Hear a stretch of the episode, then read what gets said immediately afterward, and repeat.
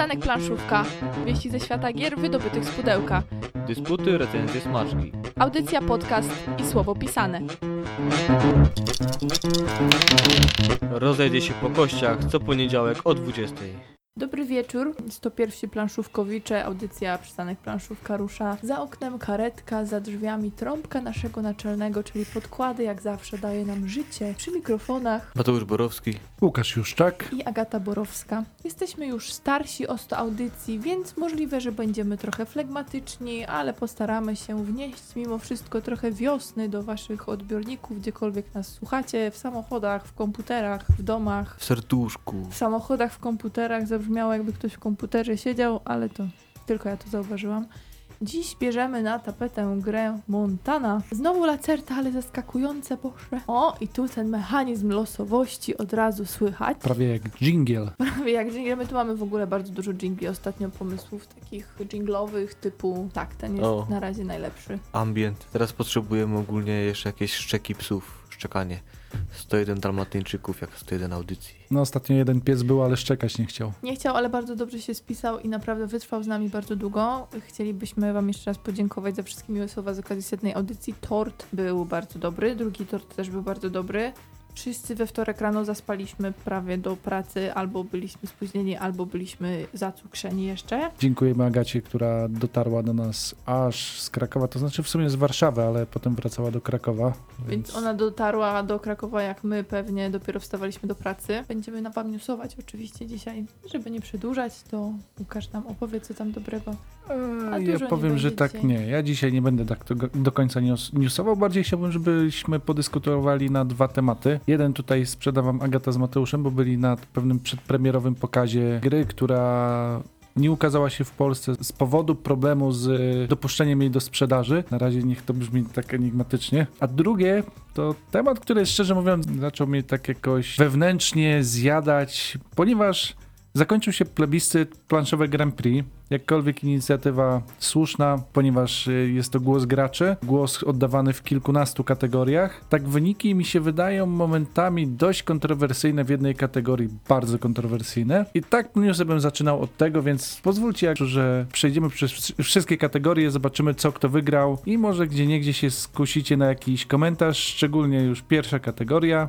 Najlepsza gra planszowa. Detektyw kryminalna gra planszowa Portal. No tutaj to jest dyskusja ogromna, bo niektórzy mówią, że to nie jest gra planszowa, ale my nie będziemy zaczynać tego. Tylko tak, nie mamy dużo czasu, żeby wszystko komentować, Mhm. więc po prostu hasłowo. W sumie jest stół, no to trochę planszowa może być. W tyle zostało Azul, Rising Sun, Valhalla, Brzdęk. Przynajmniej te dwa tytuły bym gdzieś popchnął wyżej, ale głos ludu. Znaleźć się w tej piątce to już jest zaszczyt, Mhm. nie? Znaczy z jednej strony zaskoczenie, z drugiej nie. Jako recenzent pewnie bym, ja mogę się wypowiadać trochę bardziej otwarcie, bo nie jestem w kapitule gry roku, Agata trochę ma jeszcze związany język. No ja prawdopodobnie nie wrzuciłbym akurat tego tytułu jako najlepsza gra planszowa, jako taka gra, najważniejsza kategoria.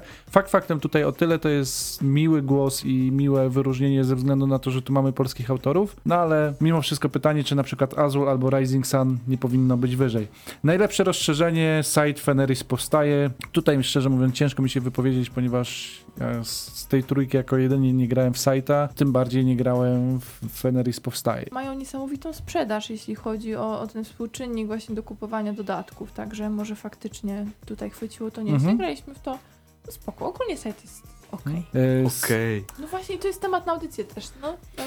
Jako gra dwuosobowa Hero Realms, czyli wydawnictwo, Dobra. które nie istnieje, by się pewnie cieszyło, że otrzymało to wyróżnienie. Nie kumam trochę, bo to jest przecież taka kalka ze Star Realms, że no co za różnica, czy tam masz tych bohaterów, czy, czy nie masz. ale jest bardziej dynamiczna. Zresztą Star Realms też by się jako w, y, dwuosobówka moim zdaniem świetnie sprawdza. No to dlaczego jej tam nie ma? Właśnie. Y, nie w tym roku wydana. A, dobra. A dodatki coś, nie? To nie? To... Ja się boję w, akurat w przypadku tego typu dodatków i to Hero Realms też e, ciężko, ale tutaj jako newsa możemy puścić, gdzieś się pojawiły w internecie takie zajawki, że dodatki jednak się w jakiś sposób ukażą. Czekamy na szersze informacje. Najlepsza gra edukacyjna i znowu mam dylemat. Wystawa światowa 1893, dwóch pionków. Tego co kojarzę, typowe suche euro. Mamy niepodległą IPN-u chociażby i tu już jest tytuł, który nie wiem czy nie powinien wskoczyć wyżej jako edukacyjna. Jest mniej dla graczy na pewno i pewnie dlatego wystawa światowa wygrała. Najlepsza gra z klimatem, detektyw, no to już No, byłbym bardziej łagodny. pewnie no, tak, nie można odebrać temu. dokładnie. Najlepiej zilustrowana gra, gra planszowa, Valhalla. Okej, a jakich miała konkurentów? Inis, Rising Sun, Sagrada i Górą i Dołem. Nie no, Rising. Sun. Ty jesteś Nie, straszniejszy. Wiesz, Kulminior nocy. No tak, ale to ilustracje. Chodzi o ilustracje akurat, to tutaj no w Valhalla Ilustracje- bardzo ładne. Ilustracje smoków instrukcji były przepiękne. Okej, to może dalej. Trzeba przyznać, że Valhalla miała ładne Tak, ilustracje, te wszystkie Prawda. detale, które tam były z broniami, które występowały, super. Najlepsza gra dla dzieci, My Little Sight, dla niektórych też faworyt yy, w kategorii gry dla dzieci w planszowej grze, grze roku, I więc same dzieciaki wybrały w którymś z konkursów. Widziałam e, również jakby po stronie dzieci był głos i, mhm. i faktycznie to się zgadzało. Najlepsza gra polskiego autora, detektyw kryminalna gra planszowa. Ignacy jest bezkonkurencyjny. Tak, Prawie. e, oprócz tego Valhalla, Lords of Hellas, Monolith Arena i Ubongo 3D. Wystarczy, że znalazła się grupa, która woli iść w tematy przygodowe, a taka, która woli układanki. I Mhm. już tutaj trudno będzie to rozstrzygnąć. Najlepsza gra imprezowa Decrypto. Tutaj dużo pozytywnych opinii zbiera, więc to jakoś Mhm. mnie nie zaskakuje. Najlepsza gra jednoosobowa Eon's End. Znowu portal. Mhm. Bardzo ładnie tutaj portalowi poszło w tym roku. Najlepsza kampania crowdfundingowa Valhalla. No i tutaj też z tym raczej bym nie dyskutował. Łuk, Tak. Łukasz Łuki-Woźniak, to co mówiliśmy na audycji, odw- odwalił naprawdę kawał dobrej roboty, jeżeli chodzi o takie budowanie napięcia wokół kampanii. Wszystkie filmiki, które kręcił bardzo systematycznie, ekskluzywne materiały, które się pojawiały wcześniej dla subskrybentów. Ten model sprzedażowy świetnie sobie wokół swojej nowej platformy zbudował i chyba na razie spośród wszystkich kampanii, które tam były, najlepiej wykorzystał potencjał platformy. Zdziwiłabym się, gdyby nie wygrał w tej kategorii. Chociaż też miał konkurencję dość sporą, bo chociażby Nemesis jest na drugim miejscu i to też była taka mocna kampania, bo tu jeszcze Kickstarter się pojawił, też mocny tytuł, więc niełatwo Potężne było. pudło. Tak, potężne. Najlepszy wydawca, Portal Games. Gratulujemy. Co tu dużo mówić. E, najlepszy sklep internetowy, ale planszówki. Najlepszy lokal planszówkowy Ludiversum Katowice. Ktoś Na- zgłaszał Pegaza, że tak patriotycznie tutaj z małej ojczyzny zapytam? Chyba był tam Pegas na liście. Nie udało się tym razem. Najlepsza inicjatywa planszówki na Narodowym. No tutaj też Mhm. myślę, że Szacun, biorąc szacun. pod uwagę ile ludzi na to przychodzi, to jest dobrze. Tylko nie ma nocy planszówek. To mnie akurat dziwi. Najlepszy blog serwis z nadplanszy.pl. Silna, ma- silna marka też mnie nie dziwi. Bardzo gratulujemy, bo chłopacy robicie naprawdę i dziewczyny. E, Bo tutaj mieszane składy są. Robicie naprawdę kawał dobrej roboty, więc gratulujemy. I dochodzimy do kategorii, która najbardziej mnie wzburzyła, najbardziej nie powinienem się na, na jej temat wypowiadać, czyli najlepszy podcast. Kto wygrał najlepszy podcast? Kawa, rozmówki i planszówki. Mhm. I moje pytanie, czy to jest podcast? No nie. No właśnie. No właśnie, dlaczego Geek Factor nie zajął, dlaczego dwa pionki, yy, gradanie, tak jak jestem w stanie przeboleć, że nas tam nie ma, taki głos My ludu. tam raz byliśmy przypadkiem i to jeszcze na trzecie miejsce, pamiętasz?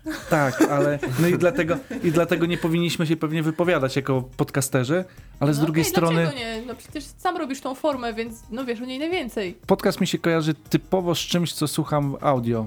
A tutaj mamy typową wersję YouTube'ową. Nawet jak spo- spojrzymy na Geek Factor podcast, który jest wrzucany w formie wideo, Mhm. Kaczmar, z tego co pamiętam, już się postarał o to, żeby był RSS i gdzieś tam się pojawiał w różnych e, miejscach sieci typowo podcastowych. No tutaj tego nie mogę trochę przeboleć. Kawa rozmówki, planszówki, dobry materiał, można raz po raz posłuchać, zdarza mi się nawet, także nie krytykuję ze względu na merytorykę, tylko krytykuję ze względu na niezrozumienie formy. A to właśnie nie powinno być na etapie weryfikacji lepiej y, ocenione? Moim czy zdaniem się tak. nadaje do kategorii, czy nie, nie? To tutaj no faktycznie to nie jest do autorów żaden przytyk teraz, tylko że Mhm. na etapie właśnie tym, o którym mówiłam, powinno coś tutaj być zrobione. No a dwa, to znowu pokazuje, że jakby Łukiego ekipa w internecie silną stoi i głosów jest mnóstwo. Nie, ja rozumiem, że tutaj społeczność jest duża, tylko no Mhm. kłóci no nie się ta mi to kategoria, tak? Dokładnie. Nie ta kategoria. No i najlepszy vlog, bardzo się cieszę z tego, kto wygrał, bo jest to Gambit, czyli podcaster, który moim zdaniem często jest niedoceniany. YouTuber, E, przepraszam, youtuber, tak.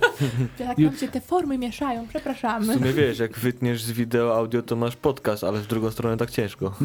Tak, Natomiast Gambit, tak. Gambit merytorycznie zawsze bardzo fajne materiały ma. Czasem przegrywa pewnie formą, dlatego jest mniej popularny, w sensie sposobem kręcenia, ale jeżeli szukacie dobrych recenzji, naprawdę do Gambita warto zajrzeć. Ja myślę, że też miarą tego, czy twórca internetowy, recenzent na przykład, jest i czy jego materiały są wartościowe, jest też to, jak wypowiada się społeczność pod postami. A tam widać, on naprawdę ma w swojej społeczności mega świadomych y, graczy planszówkowych, oczytanych, potrafiących zauważyć różne niuanse, co też potrafi Gambit właśnie. Więc nawet z komentarzy tam czasami idzie coś fajnego wywnioskować.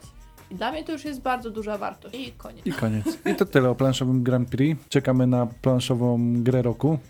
No, w ogóle już teraz się staramy o akredytację na Pyrkon, więc może będziemy mogli Wam na żywo opowiadać o tym, co Wybieracie się? wygrało. Tak. Tak, jak nie to jako ochrona na przykład też możemy się wkręcić. A nie wiem, czy widzieliście, dzisiaj już się pojawił pełny program Pyrkonu, Tak. także to właśnie w ramach newsów możemy powiedzieć, że e, jak wejdziecie na stronę Pyrkonu, to już możecie spojrzeć na wszystkie atrakcje, które są Mhm. przewidywane. Jak zwykle pewnie kilka rzeczy jest takich, których żal by było opuścić, jeżeli już tam będziecie w Poznaniu. Miło być na przykład w dwóch miejscach naraz, jeśli chodzi o Pyrkon, bo to mają te festiwale do siebie. To taki drugi Woodstock jest, tylko nie muzyczny powiedzmy i mam te same kłopoty po prostu na festiwalu, gdzie iść, na jaką atrakcję, gdzie iść, na jaki koncert. Ludzie przebrani tak samo chodzą.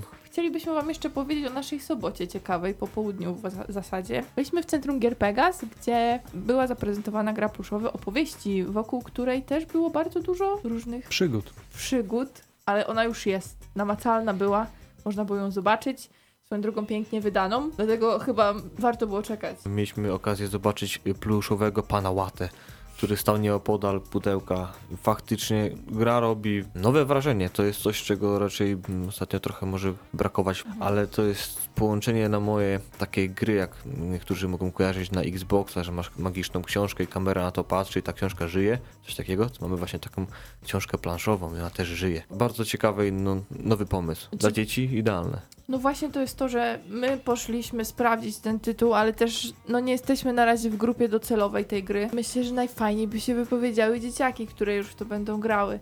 Ale myślę, że potencjał jest spory, bo tak jak pomyślałam o naszych planszówkowych znajomych, którzy mają właśnie pociechy w wieku tam od 7 wzwyż i mieli do czynienia z RPGami, z jakimiś tam magiami, mieczami i tymi innymi grami, w które my raczej nie gramy, bo my jesteśmy w przewadze eurosucharzystami, to może to być naprawdę zabawa na wiele, nie tylko zimowych wieczorów, tylko po prostu na wieczory również letnie. Gra ma save'a, gdyż jest tam wiele scenariuszy do rozegrania i jeśli zdecydujemy się zakończyć na którymś z nich, po prostu pakujemy dany egzemplarz na postaci do woreczka z całym asortymentem, który zdobyło się podczas rozgrywki. Możemy w dowolnym, dowolnym momencie odtworzyć dany scenariusz, rozłożyć postaci i grać dalej. I gra ma jeszcze ciekawy moduł, jak w Reksiu masz w bajkach dla dzieci. Masz o, właśnie morały takie masz. Właśnie jak chcesz z dzieckiem porozmawiać o jakichś ciężkich tematach czy coś, to możesz z tego wysnuć. Oderwać tablet, rzucić. Jak jeszcze nie jest skażone tabletem, to jest jeszcze szansa na tą książkę. No chyba, że po tym tablet to już Łukasz musi przejąć i wtedy e-planszówki. Ta książka też robi duże wrażenie,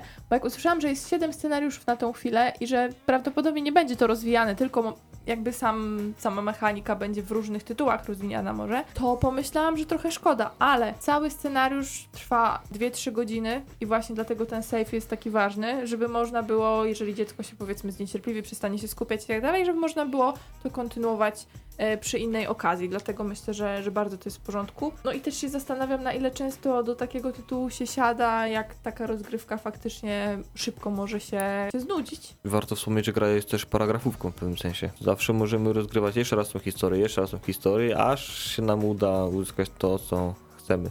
Rodzic pewnie wie, co tam się stanie na końcu, starsza osoba, z którą gramy, ale dziecko no, może po prostu nie być zadowolone z zakończenia aktualnego scenariuszu i próbować jeszcze raz.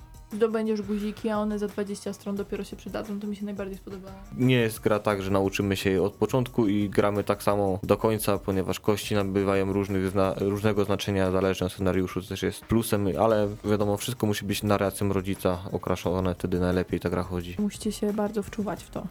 Tak jak wczuwała się nam pani Magda, która opowiadała właśnie i czytała nam całe scenariusze i tak dalej. Że tematyka jest genialna, po prostu pluszaki, świetna sprawa, ja chętnie zagram w to. No, ogólnie wrażenia bardzo pozytywne i cieszymy się, że w Pegazie w ogóle takie akcje można w Bydgoszczy zobaczyć, więc y, możecie sobie polubić też ich fanpage, tak powiemy, po znajomości trochę i na bieżąco też wiedzieć, jakie wydarzenia tam są, bo ostatnio była pokazywana gra dotycząca, uwaga, biegu rzeźnika.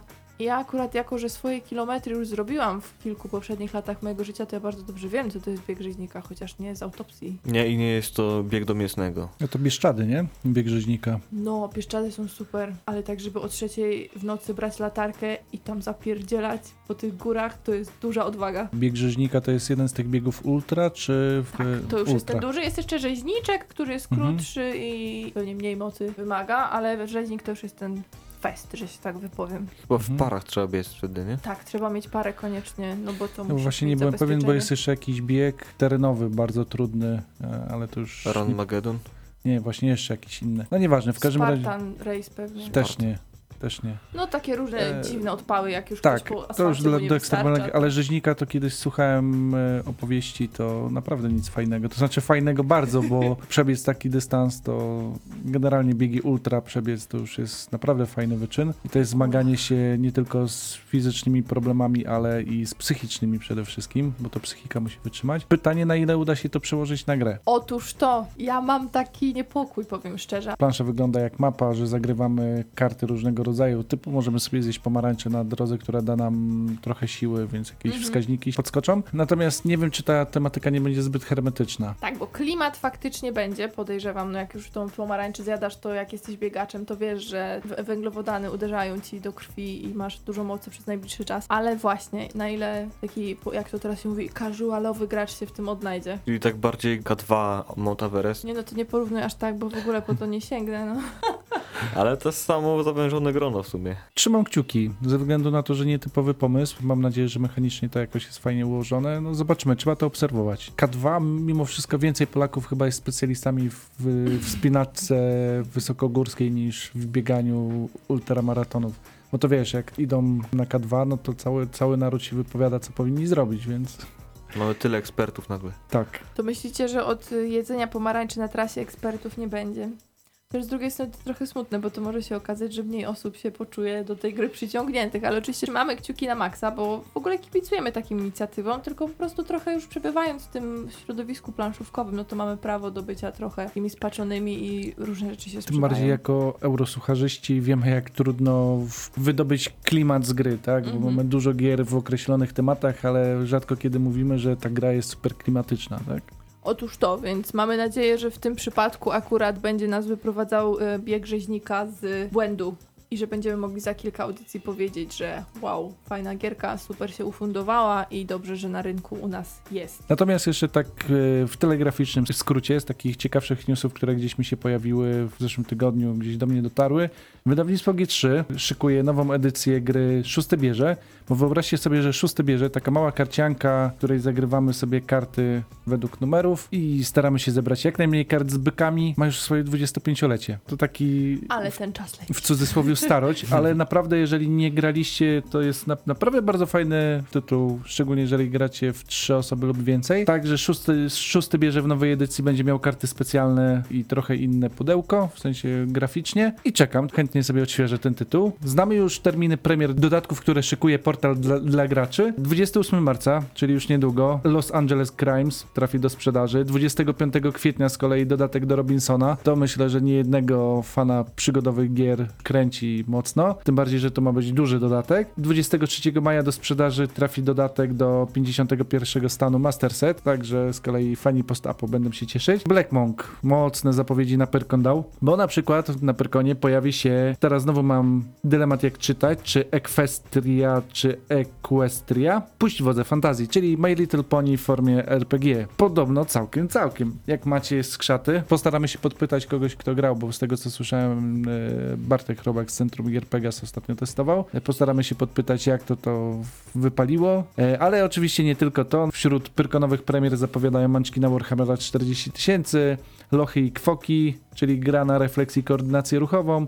Gloom powróci do sprzedaży, ale Gloom nie tylko w formie podstawowej. Pojawi się także Cthulhu Gloom i dodatki do podstawki Nieproszeni Goście oraz Ponure Domostwa. Ukazać się ma także Munchkin 6 i 6,5, Munchkin Zombie 3 czwarte i Munchkin Cthulhu 4, katabaza na 100%. Coś nowego, czyli Flux w nowej edycji Rika i Mortiego. Licencja Rika i Mortiego ma być mocniej eksplorowana przez e, Black Monkey, także zobaczymy co jeszcze się pojawi. Nie wiem czy wspominałem, poprzez wieki pojawiło się w App Store i Google Play. Za 24 zł możecie sobie pobrać e, pierwszą portalową produkcję, to znaczy niby portal miał wcześniej Neuroshima Hex, ale Neuroshima Hex była robiona przez inne studio, potem portal odkupił prawa do tego, a tutaj mamy coś, na co czekaliśmy długo. Mam nadzieję niedługo potestować, wtedy może coś więcej opowiemy. Okej, I to tyle tak na dzisiaj, żeby Tak nie przedłużać newsów. tak pogadaliśmy pół audycji.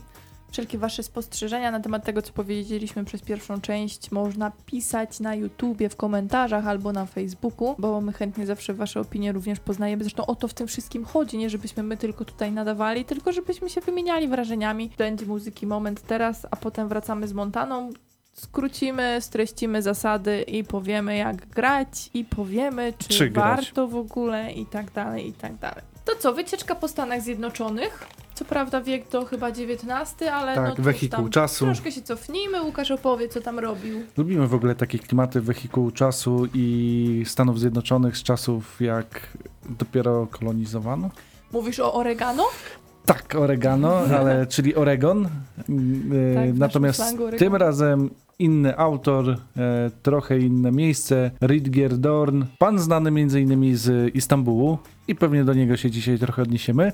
Natomiast w przypadku Montany przenosi nas na tereny oczywiście Montany, jak sam tytuł wskazuje, gdzie pojawiają się pierwsze stałe osady i my jesteśmy tymi, którzy te osady w jakiś sposób zaczynają rozwijać. Co ciekawe, Montana została podzielona na kawałki terenu w formie Właśnie, jaki to jest Plaster miodu. No to heks, nie? Właśnie to nie jest heks, bo to Jak bardziej jak koło no zębate. Sześć masz. Aha, plansza, dobra. No, Zębatki Słoneczko.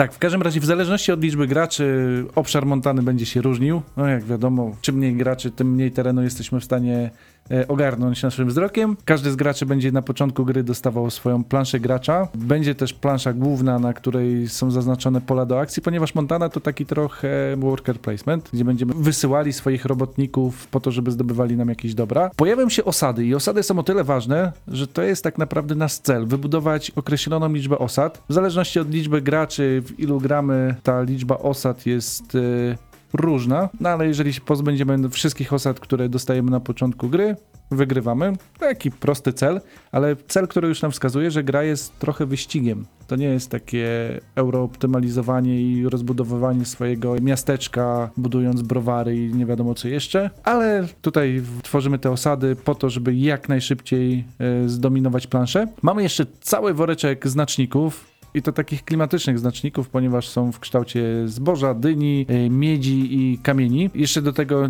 część z nich w dwóch rozmiarach. Pojawiają się znaczniki bydła, pojawiają się znaczniki graczy, także naprawdę, naprawdę w pudełku jest sporo rzeczy i jest coś takiego nietypowego, co na początku e, wydawało nam te dźwięki takie, czyli taki spinner, koło zatrudnienia, czyli wychodzi na to, że zdobycie pracy to jest loteria.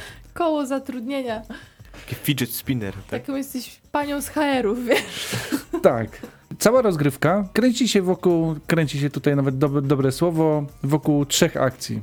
Są to zatrudnienie, praca i budowa. Jest jeszcze jedna akcja dodatkowa, też ciekawa, handel bydłem, o której za chwilę opowiem. Pokrótce o każdej akcji. Jeżeli chodzi o zatrudnienie, przebiega w bardzo prosty sposób. Kręcimy sobie strzałeczką i patrzymy, na jakim kolorze robotników zatrzymała się strzałka. E, Mamy tutaj różne kombinacje, w tym biali robotnicy, którzy są takim jokerem. Oni, oni pozwalają nam wybrać e, dowolnych. Zawsze na polu mamy po dwóch robotników, 8 pól. Ale dlaczego są różne kolory robotników? Bo tutaj są specjalizacje. Czarny robotnik nie pójdzie na pole pracować, on pójdzie e, do e, kamieniołomu po to, żeby wydobyć kamień. Pomarańczowy, wiadomo, w dyniach się ubabrał. Żółty, dużo glutenu, zboże i tym podobne. I jeszcze mamy tego od miedzi, takiego brązowego. Zatrudnienie robotników nie kończy się jedynie na tym, że możemy sobie obrócić tą strzałeczkę, ponieważ jeżeli mamy zboże, możemy wydać zboże po to, żeby przesunąć określoną liczbę pól jeszcze tą strzałkę. Za każde zboże wydane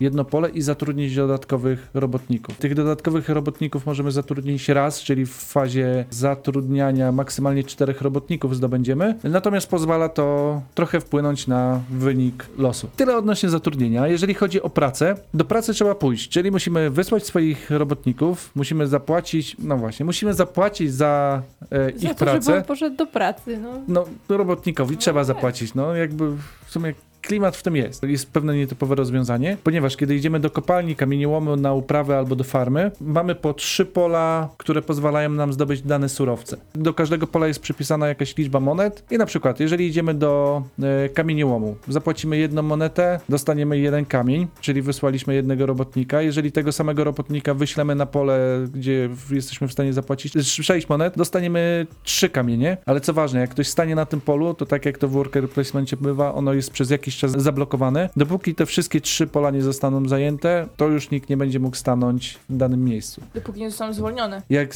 zostaną wszystkie zajęte, wtedy są zwalniane i na nowo No okej, można na nich dobra, stawać. Dobra. Ale tu jest jeszcze jedno ciekawe rozwiązanie, ponieważ możemy wysłać drugiego robotnika. Jeżeli wyślemy tego drugiego robotnika na to pole, dostajemy jeszcze dodatkowy kamień, bądź Tak. miedź, bądź zboże, Trzeba go dynię. mieć, żeby go tam wysłać. Trzeba go mieć. Ewentualnie można go zastąpić dwoma dowolnymi robotnikami, wtedy one działają jak Joker. I jeżeli chodzi o pracę, można wysyłać e, te miejsca, o których wspomniałem, czyli kopalna kam- kamieniową, uprawę i farmy, ale także do banku po to, żeby zdobywać pieniądze. Iść do banku po pieniądze. To tak w sumie spoko. Ja bym też przyszedł do banku po pieniądze, jak mi się skończą. A to takie westernowe, nie? Bo tutaj kredytu nie dostajesz, tylko dziki zachód. Wreszcie jest lokacja miasta, w której się licytujemy dyniami. Też specyficzne rozwiązanie z Montany. Tutaj mamy cztery tory, na których możemy wystawić e, swojego robotnika. Swojego padawana. Swojego mieszczucha, o, którego wysyłacie. Gracz, który wykonuje tą akcję, e, dostaje jeszcze jedną dynię dodatkową. Stawia na którymś z torów, które pozwalają zdobywać chociażby lepsze, ulepszone surowce. Tutaj może być przelicytowany, ponieważ kiedy on zrobi ruch, pozostali gracze włączają się do licytacji. Czyli albo mogą postawić swoich, swoich mieszczuchów e, na innym z torów, albo na tym samym, ale o pole wyżej, czyli pole droższe. Tam co pole trzeba więcej dyń zapłacić, więc zaczyna się taki element licytacyjny. Wreszcie mamy akcję budowy, ponieważ na planszy, która jest podzielona na te heksy, mamy rozrysowane różne surowce, które musimy poświęcić po to, żeby wybudować tam swoją lokację. Osadę możemy wybudować e, od pola startowego albo przy osadach, które już są na mapie, nieważne czy naszych, czy innego gracza. Płacimy surowce, kładziemy swoje osady. Są pola, na których można od razu położyć dwie osady. Jeżeli uda nam się w jednym rzędzie ułożyć cztery swoje w jednym rzędzie, dostajemy dodatkowo e, możliwość położenia kolejnej. Jeżeli na polu jest krowa, zabieramy krowę do siebie. Jeżeli jest manierka, też ją dostajemy. Manierki są o tyle przydatnym gadżetem, że dają nam dodatkową turę. A to w tej grze może być dość ważne, żeby zdobyć kolejny ruch. No ale jeszcze jest to bydło. Po co nam to bydło, te krowy? Ponieważ krowy można wymienić na inne surowce. I to jest akcja, którą można wykonywać dodatkowo, niezależnie od y, akcji, które mamy w swojej turze. I krowę możemy na przykład wymienić na kamień, miedź, y, zboże lub dynię. Możemy zamienić na trzy monety, albo zamienić na innego robotnika dowolnego koloru. Także jest ciekawie. No i w swojej turze wykonujemy jedną akcję z tych, które wymieniłem głównych, plus można dodatkowo wymieniać krowy. No i jeżeli ktoś wyłoży wszystkie osady, która jest rozgrywana do końca, wygrywa ten, kto położył ich najwięcej. To znaczy, kto pierwszy. W przypadku remisów, jeżeli by się zdarzyło, że na koniec gry dwóch lub więcej graczy ma wszystkie wyłożone, wygrywa ten, kto posiada łącznie więcej znaczników bydła i żetonów e, menażek. Może się tak zdarzyć, bo walka będzie bardzo zacięta. My nie dalej jak dzisiaj mieliśmy taką rozgrywkę przed audycją w duecie z Mateuszem, gdzie wyprzedził mnie. Myślałam, że o jedną turę jakby, że zabrakło mi jednego mądrego przemyślenia tury, żeby wygrać, ale potem okazało się, że miałam tą menażkę, więc tak naprawdę dwie akcje zmarnowałam, jakby dwie tury. Rozumiecie o czym mówię? Żeby po prostu... Mogę się wykorzystać w sensie, tak? No, to znaczy ja ją wykorzystałam, tylko nie tak jak powinnam. Powinnam Aha. ją bardziej ku wygranej wykorzystać, a źle to przemyślałam. Ale przynajmniej są emocje, bo jest wyścig. Mhm. Jest wyścig i jak się gra we dwójkę, to naprawdę te rundy idą, idą jeden za drugą, więc na moje to połowę raz się rozgrywki trwał setup gry dla dwóch No tak, osób. zresztą jak się otworzy instrukcję, to dwie strony zajmuje setup, czy tam nawet, nawet prawie trzy. Drugie tyle zajmują zasady. Także. Trochę zniechęcające, jak ktoś tak usiądzie do instrukcji i zaczyna grę rozkładać, a ta gra jest na 45 minut. Ale Max jest przystępna. chyba. Instrukcja jest przystępna i bardzo dobrze wyjaśniona. Nie znalazłem jakichś tam byków, błędów, nieporozumień. Tylko trzeba oddzielić ziarnko od ziarnka, czyli wydobyć ilość zasobów, która jest ograniczona. Gdyż jak się skończą zasoby, to jest taka zasada, że O, właśnie. trzeba oddać. Wszyscy muszą się zrobić tak zwaną ściepę zrzutę. Nawet ten gracz, który chce pobrać. Czyli socjal, jak Czyli zwykle. socjal. Moje ulubione ostatnio we wszystkich grach. Brakuje kamienia, oddajcie kamienia, nie ma.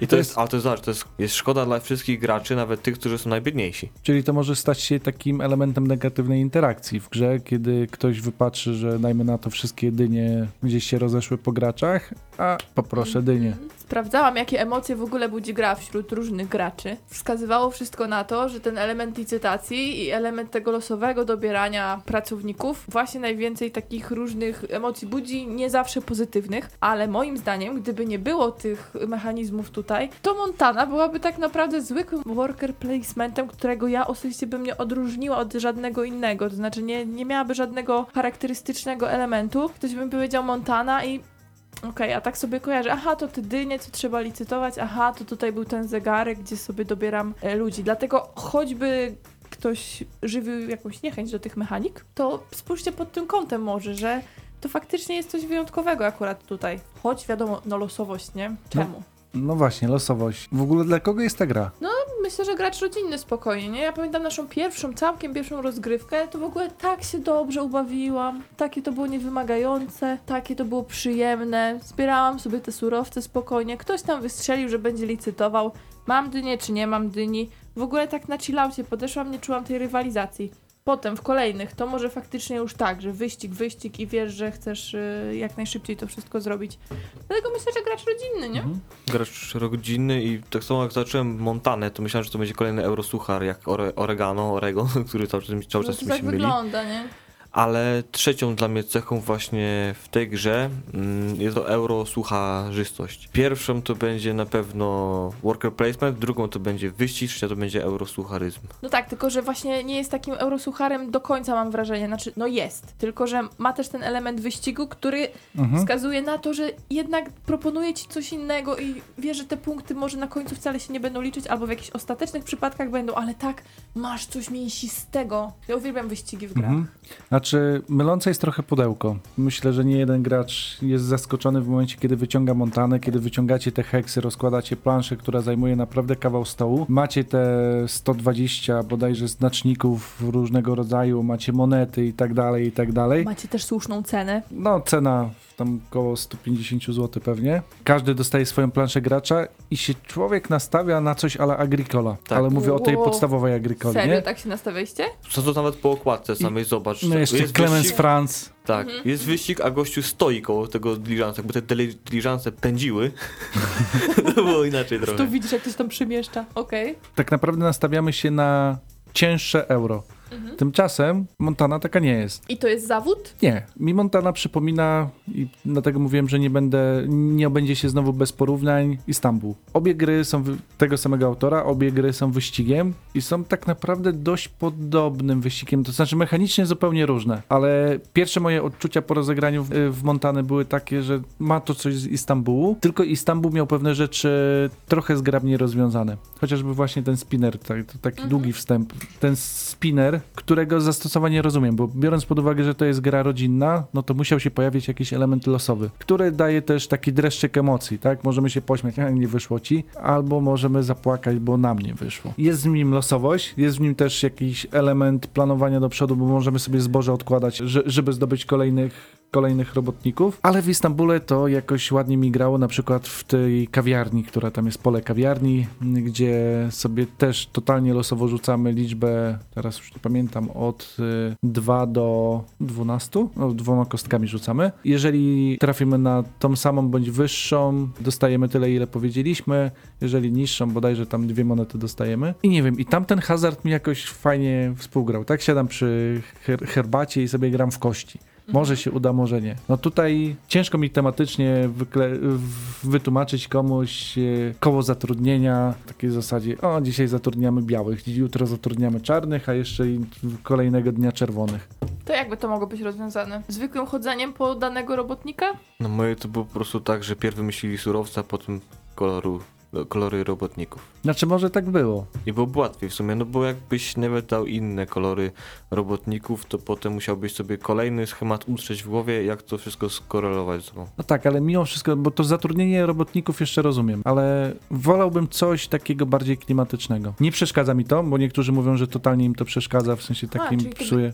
Nie przeszkadza tobie mechanizm, tylko przeszkadza ci, że nie ma odniesienia jakiegoś takiego w No, klimacie. znaczy rozumiem zastosowanie po co jest, dlatego nie powiem, że na siłę dodane, no ale tak jakoś nie pasuje do całości. W ogóle jak zobaczyłem, że jest koło, jakaś strzałka, to myślałem, że to będzie coś ala y, Colkin, albo jeszcze lepiej szklany szlak, o tam to lepiej pasuje, czyli coś się będzie nam przesuwało coraz dalej i będziemy dzięki temu jakieś lepsze rzeczy dostawali, a tutaj nie, no tutaj mamy typowy spinner. Mhm. Może to jest coś w stylu jak mm, takie budki z zatrudnieniem. Gość stoi, zatrudnia do jakiegoś partyjnego obowiązku i rzucasz tym kołem i nie wiesz, co ci się trafi w kolejce, więc bierzesz pierwszych dwóch. A, się trafił robotnik i Mm. spawasz jakiś Ty, tam. ty i ty, tak? I ty, ty, i ty idą, i kolejni idą, i tak wiesz. Na wszystkie Mhm. ręce w polu jest potrzeba, ale czasami masz na to wpływ, bo są dwa pola, tak? Dobrze patrzę z białymi zawodnikami i możemy wybrać sobie wtedy dowolnych. Nawet z dalszej części kolejki, na przykład jak potrzebujesz dwóch dyniowych do dyni. Ja jakkolwiek lubię te mechanizmy mm, wyścigowe, bo dają mi chyba najwięcej emocji we wszystkich grach, dlatego też tak pokochałam kiedyś Dolinę Kupców, wydaje mi się, że to też chodziło o to, kto pierwszy. Tak, połączenie tego z jakimś zgrabnym licytowaniem wydało mi się trochę przerażające. Myślałam, że na pewno mnie przerośnie i jak słyszę, że w grze jest licytacja, właśnie to tak mam dosyć mieszane uczucia. I tu powiem szczerze, że nie dotknęło mnie aż tak mocno, a jeszcze też na bazie kilku rozgrywek stwierdziłam, no, że jednak ten mechanizm musi być wykorzystany, jeżeli chcemy zgrabnie na, naszych tych y, heksów się pozbywać z tego powodu, że te podwójne kamienie, te większe i te podwójne drewna, czy co to jest miedź, Mieć. no, możemy zdo- mieć. zdobyć tylko, tylko na drodze posiadania tych dyń i licytowania, tak? Inaczej Mhm. nie damy rady i będziemy musieli wybierać te pola, w których te surowce są w, w mniejszym zakresie. Nie możemy sobie kupić takiego Mhm. kamienia. Jakby to wyeliminować, to ta aukcja no, no, rzadko byłaby naprawdę używana. No nawet nie Znaczy- miała sensu chyba w ogóle wtedy, co? W ogóle mi ten mechanizm nie odpowiada w tej grze.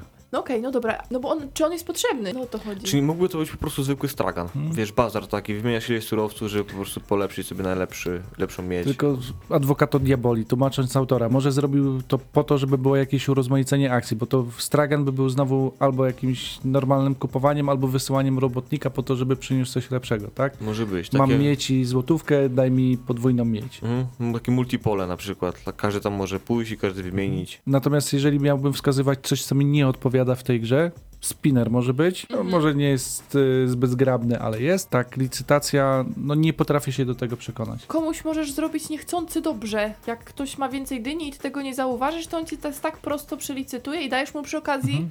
dajesz mu przy okazji A okazję nawet do jeżeli tego, żeby nie ma coś więcej dostał. dyń, to i tak dajesz mu okazję, żeby coś dostał.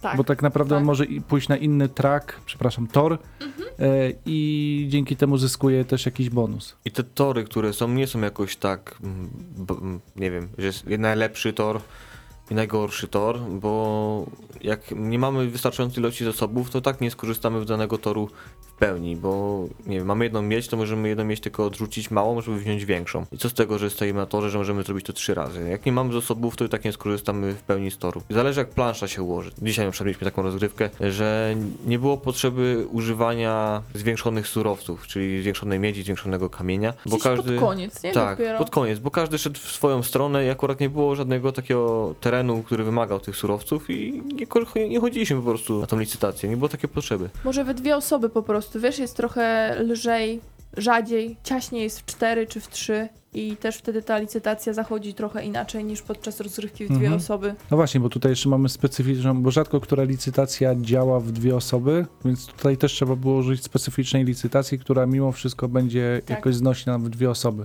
A gra ma też mechanizmy skalujące, to trzeba zaznaczyć, że plansze inaczej rozkładamy wielkością i surowce rozkładamy też inaczej. Także tutaj pod tym kątem możecie się spodziewać, że ona będzie zbalansowana, ale też pokaże trochę inne oblicze, nie? I Mhm. ta licytacja szczególnie.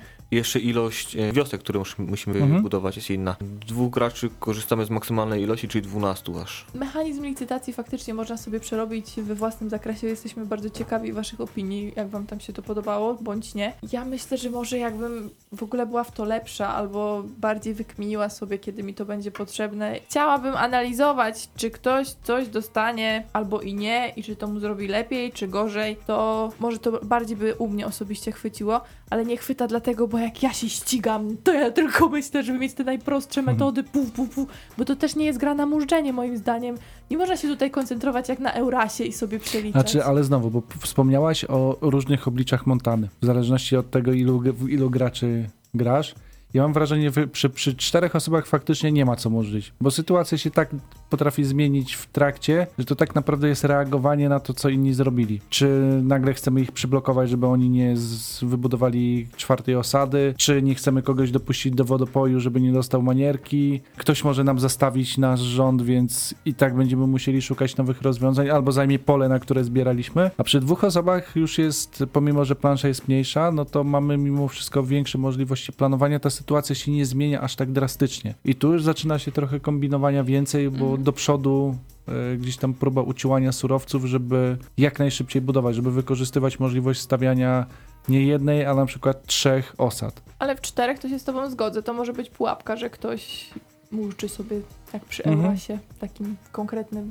Ale jak wystawisz mniej osad, bo się nie obmurzyło albo nie uzargowało tyle surowców, gdyż my oczywiście są limity w zasobach, mm, no to dostajemy też w pewnym sensie rekompensatę. Wybudujemy jedną osadę, dostajemy na pieniążki rekompensaty na zaś.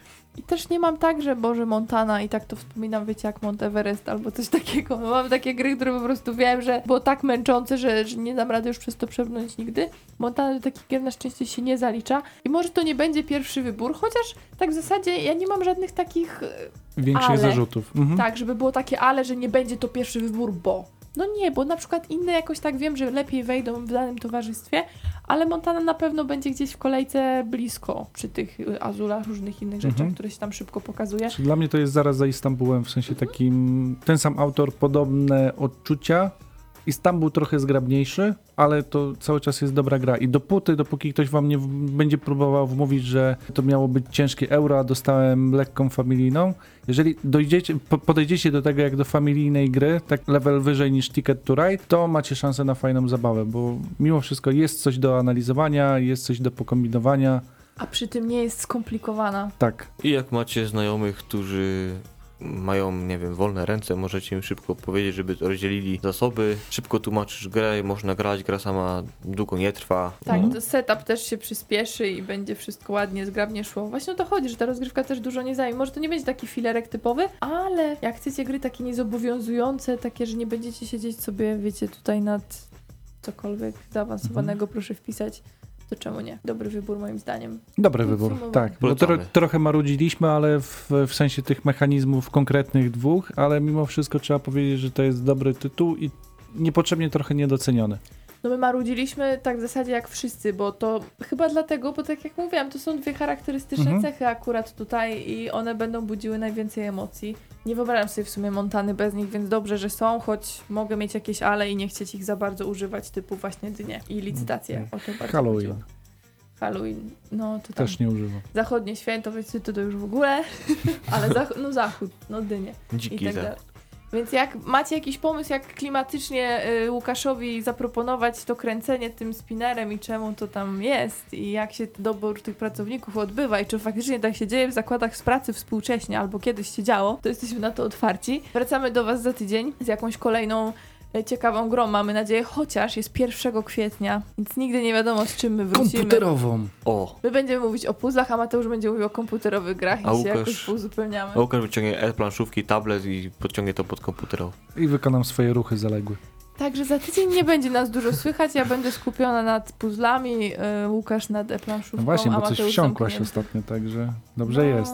Tak, Może- Może będziemy mówić o Hearthstone'ie. Coś pomyślimy. Coś pomyślimy, jak macie jakieś pomysły na Prima Aprilis, to dajcie nam znać. Fajnie, że nas słuchaliście, dziękujemy za dzisiaj i do usłyszenia za tydzień, mówi dla was Mateusz Borowski. Łukasz Juszczak. i Agata Borowska. Pa, pa.